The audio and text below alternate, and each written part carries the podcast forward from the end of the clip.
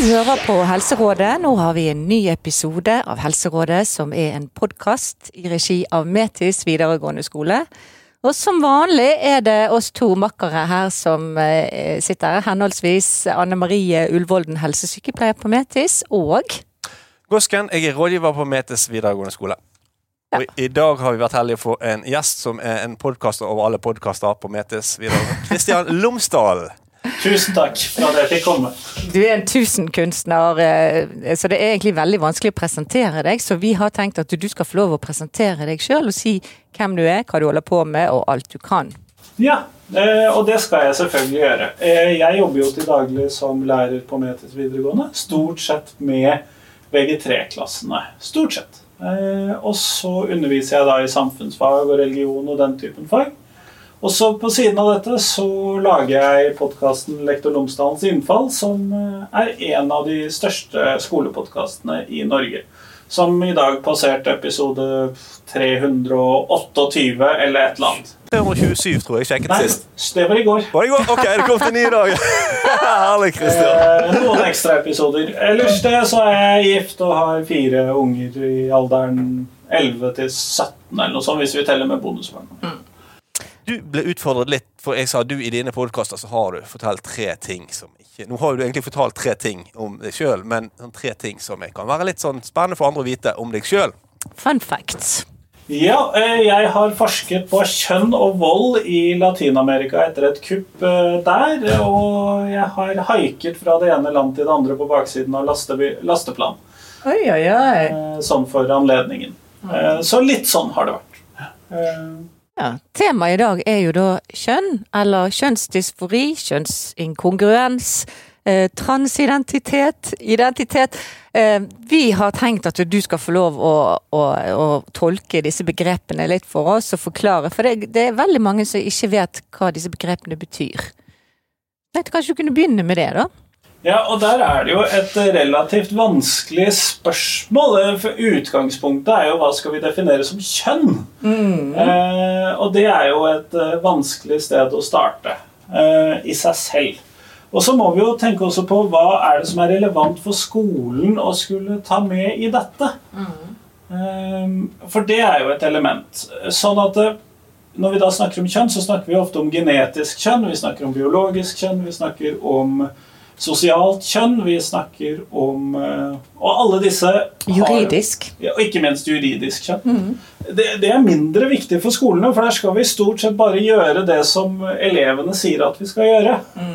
Sånn at der er det forholdsvis enkelt. Men juridisk kjønn er absolutt med i eh, greia.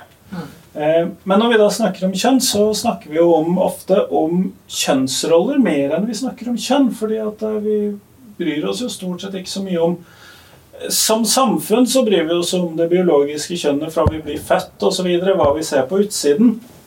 Eh, og genetisk kjønn det oppdager vi vel egentlig bare når vi faktisk tar eh, gentester og skal se, ofte fordi at noe er oppleves som feil, eller det er knyttet til et sykdomsbilde eller lignende. Mm. men sosialt kjønn handler jo om hvordan vi presenterer oss selv, og hvilken kjønnsidentitet vi fremstår med i samfunnet. Ja, for Det ble jo det som ble viktig som skole. I og med at den podcasten, det er det det som ble det viktig for oss å forholde oss til. Ikke det? Jo, det blir fort det. Eh, Og samtidig så er det jo et spørsmål i hvor stor grad skal en skole forholde seg til kjønnsidentiteten til elevene sine. For at I utgangspunktet så snakker jo opplæringsloven og formålsparagrafen om at vi skal forholde oss til elever med respekt, vi skal behandle mangfold eh, på en god måte, og vi skal stå opp for likestilling og likeverd. Og det er en del sånne verdier som ligger til grunn for hvordan skolen skal møte elevene. Eh, Og da er det ofte det sosiale kjønn og det også akseptere elevene der hvor de er, og i den måten de er i samfunnet, eller ønsker å være i samfunnet på, som fort blir viktig eh, der. Samtidig så skal vi undervise disse, og da kommer man kanskje fort innom uh, ulike aspekter. F.eks. da forskjeller på biologisk, genetisk, uh, juridisk, uh, sosialt kjønn som en del av undervisningen. Kan du, kan du forklare oss, for, er det noen forskjell på kjønnsdysfori og kjønnsinkongruens? Kan du forklare de begrepene for våre lyttere? Kjønnsinkongruens er jo der hvor det er en opplevd forskjell mellom det kjønnet som samfunnet forteller at man har, og det kjønnet man selv opplever at man tilhører, eller eh, har som identitet. Eh, og det kan jo være mer eller mindre problematisk, og det er jo der denne dysforien kommer inn, dette ubehaget ved eh, forskjellen mellom egen kropp og eget kjønn og eh, det som man selv oppfatter at man er, eller det, det som man selv oppfatter som sin identitet. Sånn at kjønnsinkongruens er vel mer der hvor handler jo om der hvor det er en forskjell. Eh, for alle de som, av blant oss som ikke er cis-personer. Eh, Må vi mens- forklare cis også, for det, ja, det skal jeg gjøre. Mens eh, der hvor det er en eh, dysfori, så er det jo at det er et sterkt ubehag knyttet til denne opplevde forskjellen. Men en cis-person er jo en person som er slik den er. Det er et samsvar mellom identiteten og hvordan samfunnet oppfatter en, og det man ble tildelt ved fødsel. Og på engelsk så har man jo på en måte litt sånn tydeligere ordforklaring på det, fordi de har sex og gender. Ja. Det sant, som forklarer Det gjør det eh, lettere. det gjør det lettere. Så sex forklarer kanskje det biologiske kjønnet, og gender det sosiale spekteret. Ja, Men så må man jo også der kanskje dele opp i genetisk og biologisk eh, knyttet til sex, f.eks. Og så selvfølgelig at det heter sex og ikke kjønn. Eh, kan jo skape en del forvirring at det ikke er faktisk sex man snakker om. Men, Ja. så eh, hvert språk sine problemer. Ja. Men vi, vi ser jo, Christian, så ser vi jo en veldig økning de siste årene av barn og unge som ikke identifiserer seg med det kjønnet som de er Eller den, ja, den eh, legningen eller det kjønnet de er født med. Eh, har du noen tanker om hva som er årsaken til Hva skyldes det egentlig? Og også, du kan også gå videre på hvordan skal vi møte disse i skolesammenheng? Eh, utgangspunktet her er jo, tenker jo jeg det at eh, For vi har sett den samme økningen knyttet til variasjon i seksuell orientering. Det så vi dog tidligere, hvor det kom en ganske stor økning i antallet menn som eh, fortalte det at de opplevde seg selv til å være homofile, bifile, transseksuelle Nei, ikke transseksuelle, det skulle ikke inn her. Eh, men panfile osv. At det var en mye større variasjon i seksuelle orienteringer enn det vi eh, man opplevde før. Det ble en mye større åpenhet om det. Og i kjølvannet av det så har vi også sett at det har blitt en mye større åpenhet for en variasjon i kjønnsidentitet og hvordan vi oppfatter kjønn. Eh, og da med det etterfølgende at det også har blitt en større aksept for å snakke om at man har opplevd dette. Så jeg klarer ikke å se for meg at det er en reell økning i antallet mennesker, altså at det er smittsomt. Ja, for noen Men- mener det. Noen mener jo det, og man snakker jo om det, men det handler vel for min del kanskje mye mer om at man nå tør å snakke om det, enn det man tidligere gjorde, og dermed den åpenheten og gjør jo at det er kanskje oppleves som at det er blitt veldig mange flere. Samtidig så er det jo også ingen tvil om at relativt stramme kjønnsroller, for det har vi jo i samfunnet. Vi har en oppfatning om at menn og kvinner skal være på denne måten eller denne måten eller denne måten. Og så skal man ikke bevege seg så pokkers langt utenfor den boksen før det blir et problem. Det var mitt neste spørsmål, akkurat det du sa nå. For det, det, det, vi tror jo at vi er kommet eh, så langt, og at vi er så åpne og, og tolerant og, og likestilt og, Og sånn, men samtidig så har vi kanskje veldig trange kjønnsroller som kanskje gjør det vanskelig. Altså for spekteret altså innenfor hver Altså det å være mann og være kvinne, det er stort spekter innenfor for, begge kjønn, hvis jeg får lov å si Ja, det. og- og sant, ser som på- kanskje ikke blir tolerert. Og hvis vi går inn og ser på et uh, middels russetreff, Ja. bare fordi at det er eh, litt nærliggende i hodet akkurat nå, så vil jo alle i gåseøyne jentene ha langt hår, og alle guttene vil ha kort hår, og de vil kle seg sånn, og de vil kle seg slik. Nå er kanskje russetreff et dårlig eksempel, men hvis vi tar en eh, lørdag på byen, når, hvis vi tenker oss utenfor korona, eh, så ser de like ut. Det Vi er ganske uniformert i måten vi Ja. kler oss på, hårfrisyrene og og jeg har en eh, datter som vi barberte hodet hennes, for det ønsket hun selv når hun gikk i barnehagen, og da kom det jo stadig spørsmål om hvorfor går den gutten i kjole. Eh, sånn at vi knytter, Det er veldig stramme regler knyttet til farger og klesplagg og denne uniformeringen.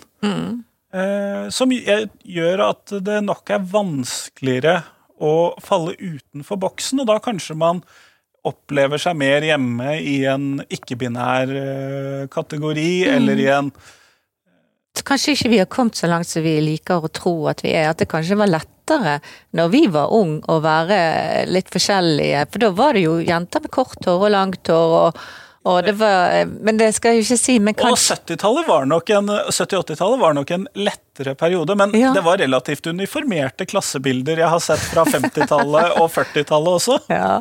Det var veldig vittig. Jeg må bare kom inn med den lille Jeg var, på, jeg var i Novacup og så på eh, nordkoreanske fotballaget Jentene. De er jo supergode. Det er selvfølgelig landslaget. Så møtte de andre jentene fra vanlige klubber i Norge. Da. De rundspilte det selvfølgelig.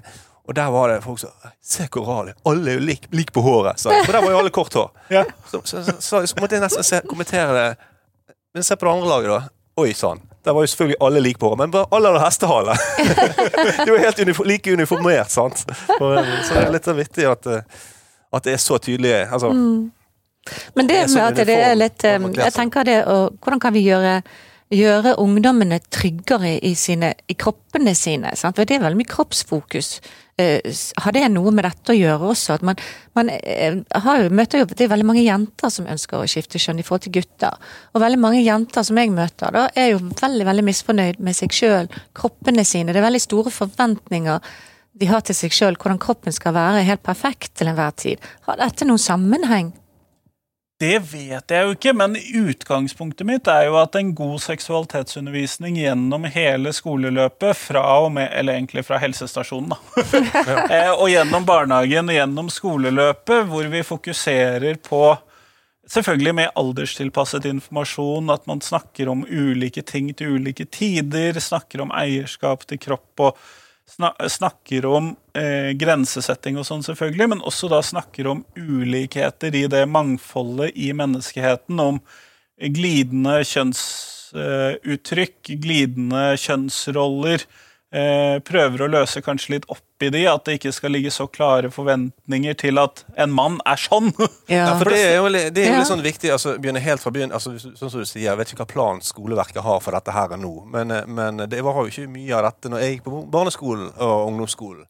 Men hvis du klarer på en måte å opp, åpne opp for de tingene der, så er jo det sånn at eh, du får en større respekt, og du får at det er ingenting som er feil eller gale. For det, jeg er jo vokst opp til å tenke hva som er feil og galt, kan du si. Og hvis folk skilte seg ut, så var det eh, ganske store konsekvenser for det. Eh, Hvis du var annerledes, hvis du var litt feminin eller maskulinisert, altså, så, så fikk du høre det, eller Det var ikke noe bra, det, tenker jeg. At der, der er det skjedd en, del ting. Men hva har, eh, vet du noe om planer skolen har i forhold til dette undervisning? Vi ser jo i forbindelse med fagfornyelsen så ser vi et økt fokus på seksualitetsundervisning inn i norsk skole. Så er samtidig disse læreplanmålene som vi finner i KRLE, samfunnsfag og eh, naturfag, relativt diffuse. Eh, sånn at det er ikke gitt nødvendigvis hva som puttes inn i det, og hva som blir løsningen. Og så vet vi samtidig at det er relativt få lærere som har en videreutdanning i seksualitetsundervisning. Jeg mistenker at vi er under 100 som har det. Mm. Jeg er en av de. Og så fins det noen videreutdanningskurs, men dette er i liten grad en del av eh, lærerutdanningen slik den er i dag, selv om det fins noen eh, prosjekter som holder på å jobbe med å løse det. Jeg en, jeg hørte på en av de podkastene dine da, der du intervjuet en eh, sexolog, tror jeg det var. i forhold til Han eh, mente vel at dette burde settes vekk til andre, istedenfor lærere, som jeg kjente. Husker jeg riktig når jeg erindrer tilbake til den podkasten? Eh, Det finnes ulike meninger om det, hvem som skal gjennomføre seksualitetsundervisningen. og der, For noen sier det skal læreren gjøre, noen sier det skal helsesøster gjøre. Som om dere ikke er travle nok. Eh, det skal MSO, altså medisinstudentenes seksualitetsopplysning, gjøre. Det skal helsestasjon for ungdom gjøre. Det er det eh, delte meninger om. Og så har man forsket på dette. RVTS Sør har forsket på dette og har en rapport som sier at tillitsforholdet som er mellom lærer og elev, gjør at det er veldig mye mer fruktbart hvis det er læreren som har hovedansvaret for det og står for mesteparten av arbeidet, men at man kan hente inn ressurser og for noen samtaler. Eh, og så er det jo viktig å huske på at seksualitetsundervisning går, er ikke bare liksom hvordan stikke tiss inn i tiss, eller andre varianter. Eh, det handler jo om så mye mer. Det handler jo om kropp, det handler om kjønnsroller, det handler om hvordan vi forholder oss til grenser. Ja er ja og nei er nei, og forskjellen mellom de to. Det handler om eh, hvordan, hvem som eier kroppene, hvem som eh, Hva er en funksjonell kropp? Det er veldig mange forskjellige temaer, og de aller fleste av disse temaene er jo Det er jo ikke unaturlig at læreren i klasserommet står for dette. Og så har man jo som lærer et tillitsforhold til elevene som gjør at de kanskje åpner seg opp om disse tingene til læreren lettere. Samtidig så skal man jo ikke se bort ifra at det kan være nyttig at man av og til får inn en eller annen tredjepart. Enten en helsesøster, helsesykepleier, unnskyld, som de har kanskje et forhold til, og som kanskje kan være i en litt mellomposisjon. Eller du henter inn noen helt utenifra som kanskje kan eh, Det kan være lettere å stille enda pinligere spørsmål til, fordi at du aldri møter de igjen. Og så er man litt uenig om det er lettere å stille de spørsmålene når du har et tillitsforhold og vet at det går greit, eller når noen rømmer etterpå. Um, men der vil det nok også være litt skiller på elevene.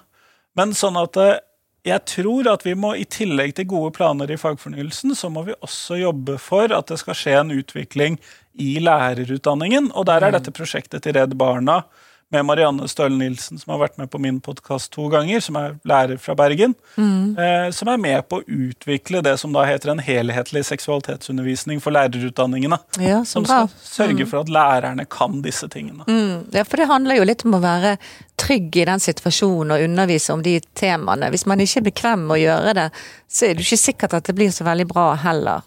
Nei, Og så tenker jeg at det er utrolig, det er så mye mer enn sex, som du sier. Det der, Jeg møter jo veldig mange som eh, eh, Altså, jeg bruker mye tid på også å, å snakke om å bli glad i sin egen kropp.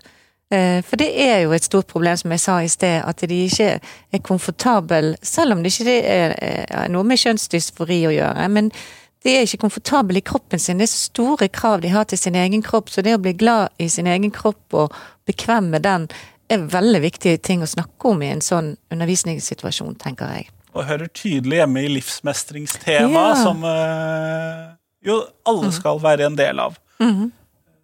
Som er en viktig del av seksualitetsundervisningen. Mm Det er jo derfor vi bruker begrepet seksualitetsundervisning og ikke seksualundervisning, er jo fordi at det skal romme mer enn bare dette stikketiss. Og dette blir jo veldig viktig i forhold til det å kjenne seg sjøl, og at det har samsvar mellom hvordan du føler kroppen, og hvordan andre mener at du skal føle på kroppen din. sant? Hvis du er født, hvis du har en annen kropp, eller du føler du er i feil kropp, eller seksualitet, eller så, så blir jo det veldig forvirrende hvis det ikke er rom for å eh, snakke om det eller være åpenhet rundt det. Da, da blir det litt sånn eh, Da kan jo det sette seg litt i hodet og, og, og utvikle litt sånn psykiske problemer. Eh, Og det er jo en del av, eh, av elevene som vi møter på denne skolen, eller på alle skoler, som sliter med disse her eh, seksualitet, identitetene sine. Går det an å si det? Seksual identitet? Ja. Eh, Vi skal snakke om mange identiteter her, sånn at Nei, men altså, Man er jo ikke redd for å si noe feil. Ja, frustrasjon for det der med å ikke, ikke dette så, Jeg vet hva jeg skulle kjent, men jeg kjenner ikke det. Ja. Sånn, At det er sånn dilemma. Men jeg tenker jo at det, eh, min, eller vår erfaring her på skolen er jo at eh, elevene tar dette her veldig naturlig. For vi har jo til enhver tid et par stykker som, som eh, har, er, litt, har, eh, er på vei eller er midt i en sånn kjønnsdysfori. og noen eh, går til utredning, og noen eh, bare har tanker om det. sant? Men noen har byttet navn, og da er jo elevene veldig tolerante og tar det som den største selvfølge. Og jeg tror, det, jeg tror det er ingen som føler at de blir satt utenfor av de som vi har erfaring med. Jeg mistenker jo at det er vanskeligere for voksengenerasjonen Ja. mer enn det er for Akkurat. elevene. Eh, og vi ser jo også det knyttet til eh, seksuell orientering, så snakker man jo i England nå om at eh, det er nærmere 40% som selvrapporterer en eller annen form for skeiv seksuell orientering eh, blant unge. Eh, som er jo helt andre tall enn når jeg eh, pleier å si i klasserommet mitt at det er 5-10 Ja. Og da er det litt sånn Ja, eh, tallene funka ikke lenger. Nei, for det er et veldig godt poeng, for det, det handler nok mye mer om vår generasjon Eller vår- de voksne sin eh, forventning og oppvekst. eh, Den vi har. Jeg kjente, når jeg vokste opp, det var jo homofili. Bare det var jo helt Fantes nesten ikke. Som, selvfølgelig fantes det, men vi hørte jo aldri om, visste ikke hvem. Men nå, det er ikke noe sak i det hele tatt. Altså sånne ting er, Ungene tar det der så utrolig mye greier, altså.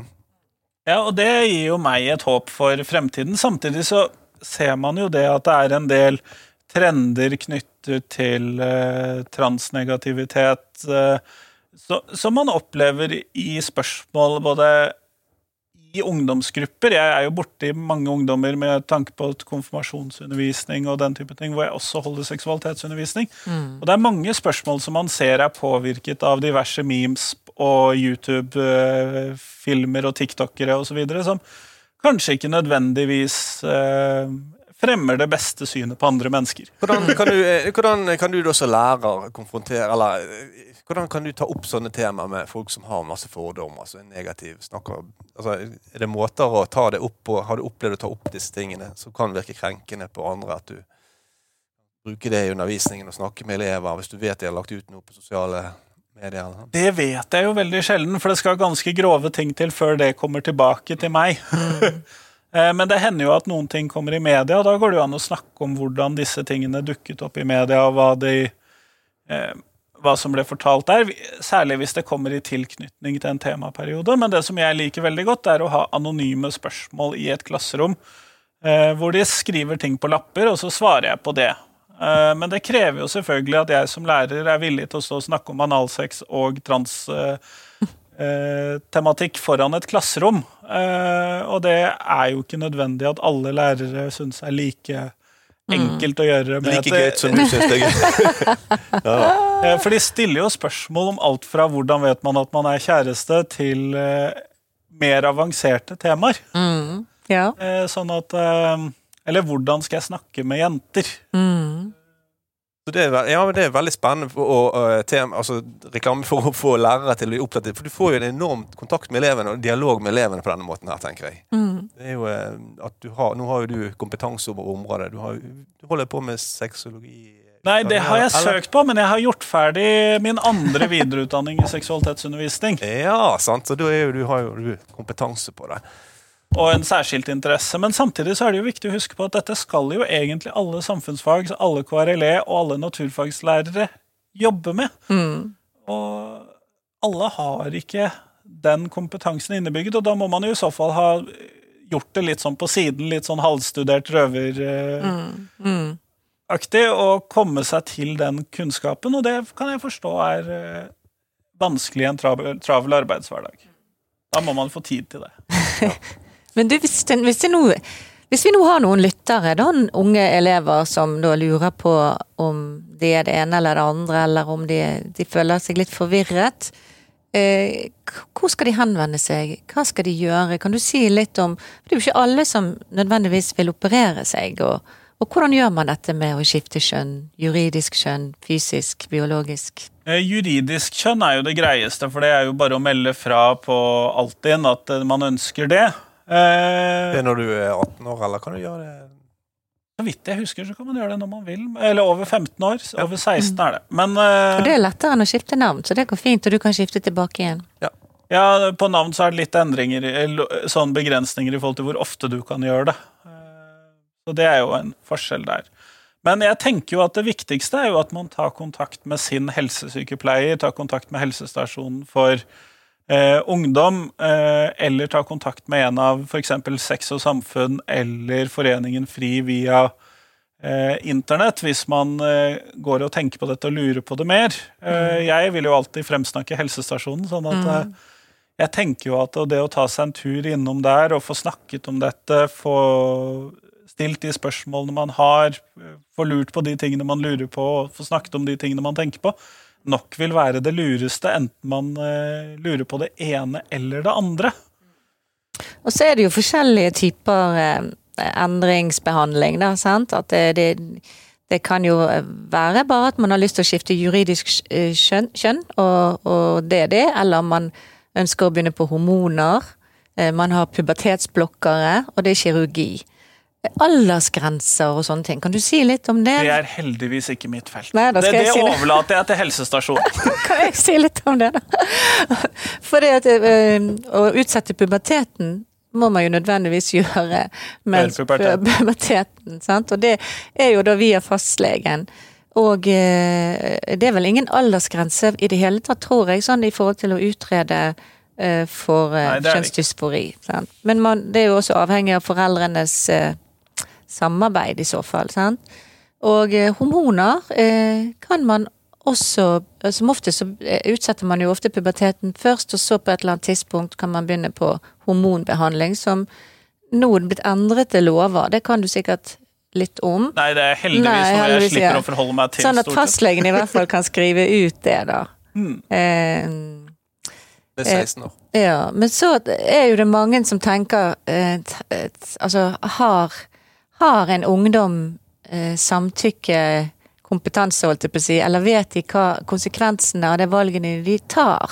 Har du noen tanker om det? For noen mener jo at det, eh, man skal vente med sånn alvorlige behandling, da, som, som er veldig, veldig livsendrende og kanskje irreversibelt, til frontallappen er utviklet, holdt jeg på å si. Sånn at man, og det er det gjerne ikke ofte før man er 23, kanskje, sant? at man skjønner konsekvensene av valgene sine. Der, men man er jo samtykkekompetent på helsespørsmål fra man er 16 år, er det som vi har satt som grense Mm. i Norge. Eh, men så er det jo det at man f.eks. har muligheten til å gå da på pubertetsblokkere, gjør jo det at man kjøper seg en tid og fjerner et stress i dette, og det er ikke irreversibelt. Sånn at det også f.eks. ha muligheten til å stå på pubertetsblokkere noen år, og får da tid til å ryddet litt, tenkt igjennom om er det, det, er det sånn at det er dette jeg føler på, eller er det noe annet, så er det en mulighet der hvor man ikke da trenger å gå videre med det. Eh, Sånn at eh, pubertetsblokkere som sådan er jo da en måte å kjøpe litt av denne tiden på. Eh, For mange. Eh, Så vil det jo være forskjellig, men der stoler jeg heldigvis på at legene kan eh, bistå, og helsestasjonen osv. kan bistå de det gjelder. Så må jeg sørge for at i klasserommet mitt så er det et godt miljø for disse elevene som enten de sliter med at de er litt tjukke, eller de sliter med at de opplever at kjønnet sitt er noe annet enn det samfunnet oppfatter, eh, eller de har en eller annen seksuell orientering som det ikke er forventet av dem. eh, At det klasserommet skal være trygt for alle disse. Mm. Sånn at det, det blir jo da min oppgave, og så skal heldigvis leger og andre utrede de andre tingene. Men jeg, jeg opplever jo at pubertetsblokkere på en måte da kan være med å skape det rommet som skal til for at man skal kunne tenke nøye om dette for sin egen del, og sammen med da fastlege og annet helsepersonell. Ja, bare jeg prata med en, eh, en eh, ungdom som er kjent fra tidligere en gammel jobb jeg har, som hadde vært gjennom det der greiene. Og da eh, det var jo litt sånn at det tidsperspektivet var veldig greit. Den gangen så følte jo han da Han gikk fra hund til han og ville da synes at det var veldig urettferdig, alt det der greiene. Men i ettertid så ser han at det var kanskje lurt å få litt den der eh, den bremsen der. Eh, akkurat hvordan dette var foregått, vet jeg ikke, men, men at det er, det er greit at de, at de har en sånn Sånn som du sier, en sånn myk overgang. Eh, kjøper, Ja, eller i hvert man, fall for, for, for, man for litt tenkt tid, litt eller? og fjernet litt av stresset. fordi Ja. at eh, Hvis du først sliter med kjønnsdysfori, så vil jo dette, når kroppen da utvikler seg helt feil vei, Ja, ja, ja. eh, være en stressfaktor. Prosessen i det er jo da eventuelt sånn som det er nå, i hvert fall med Rikshospitalet, og lang prosess der, flere år, og så er det sant, og det er jo og Der kartlegges de for psykisk sykdom og alt mulig, og, men hva er det ene og hva er det andre? At, at du skal være vite hva man gjør, liksom. Og, Men nå har det kommet nye eh, regler og lover der det skal desentraliseres mye mer, som er planen. da. Men mange, min erfaring er jo at veldig mange ungdommer som har det sånn, er veldig veldig utålmodige, og de syns at den prosessen på Rikshospitalet tar altfor lang tid, og det er ikke noe bra og sånne ting.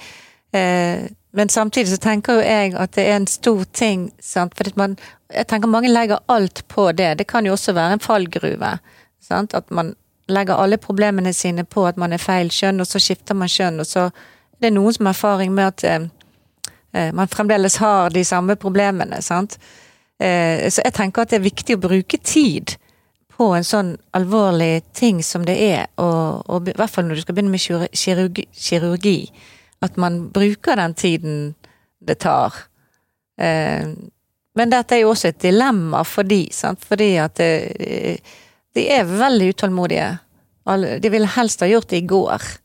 Men, så, men jeg tenker det viktigste er som du sier, altså, respekten. altså Det å kunne leve ut eh, seg sjøl i klassen. altså I sosiale greiene. og at Man er jo ikke bare kjønn. Man er jo en person. Man er jo interessert i fotball, i håndball, i gitar, i musikk. altså Det er jo det som er deg. Det er ikke bare Og, men, og så er det jo noe med når eh, Fredrik kommer på skolen og ønsker å hete Frida og kommer kledd i typiske jenteklær, gitt at vi har et begrep for det. Mm. vi har jo tidligere snakket om uniformeringen, og kommer da tydelig i den uniformen. Eh, så handler det jo om Tidligere så ville man jo i stor grad blitt møtt av lærere kanskje som sa det at eh, Kom deg hjem, Fredrik, og få på deg ordentlig tøy, og eh, kom på skolen og ikke tøys dette til. Eh, og der er det jo viktig at vi møter elevene der hvor de er. Og da ta hensyn til Frida resten av det skoleåret. Og det er jo blitt mye enklere etter at i 2016 det ble lov å forandre juridisk kjønn uten at du nødvendigvis trengte å ta noen operasjoner, eller før måtte man jo eh, egentlig steriliseres eh, hvis man skulle eh, skifte kjønn. Så, sånn at det egentlig er større mulighetsrom nå ved at man ikke nødvendigvis trenger å ta noe valg om at man skal begynne å operere vekk pupper eller endre kjønnsorgan. Eller få, få plass til disse tingene, for det er jo litt kø for å Ja. komme inn i disse systemene. Og så kan man jo, som du sier, diskutere hvor godt de funker, eh, og fra et brukerperspektiv og fra et helsesystemsperspektiv osv. Men jeg tenker jo for min del så er det jo uinteressant om Frida da faktisk har skiftet juridisk kjønn. Hvis Frida ønsker å bli kalt Frida, så er det det jeg må forholde meg til. Det er respekten. Det, Ja. er sant? det jeg pleier å si at det er, du, altså det er jo veldig mange som på en måte, kanskje vi voksne eller vi de eldre da, som er mye mer fordømmende og kanskje ikke forstår dette her. Eh, og da pleier jeg å si at det, det er jo helt greit å ikke forstå. Men det som er viktig, er jo at man respekterer hverandres ulikheter, uansett om det er kjønn eller andre ting. Eh, Og det var kloke ord eh, å avslutte med. Nå er, er klokken en halv Vi har eh, brukt eh, over en halv time nå, tror jeg. Og vi satt vel av en halv time. Og du, lektor Lomsdalen, du, du er en travel mann. Ja, det er jo vi òg, da. Litt, ja, ikke så travelt. Ja, jeg tror ikke vi skal påstå at dere to er arbeidsledige heller. Altså. Nei. Ja, men det, det var veldig kjekt å ha deg her. Jeg vil anbefale podkasten til lektor Lomsdalens podkast. Lektor Lomsdalens innfall. Otto Lomsdals innfall. Der er det tema eh, i bøtter og spann. Nærmere 250 podkaster, altså. Utrolig spennende. Tusen takk for at jeg fikk komme. Tusen takk for at du ville komme. Altså, Marie og Borte.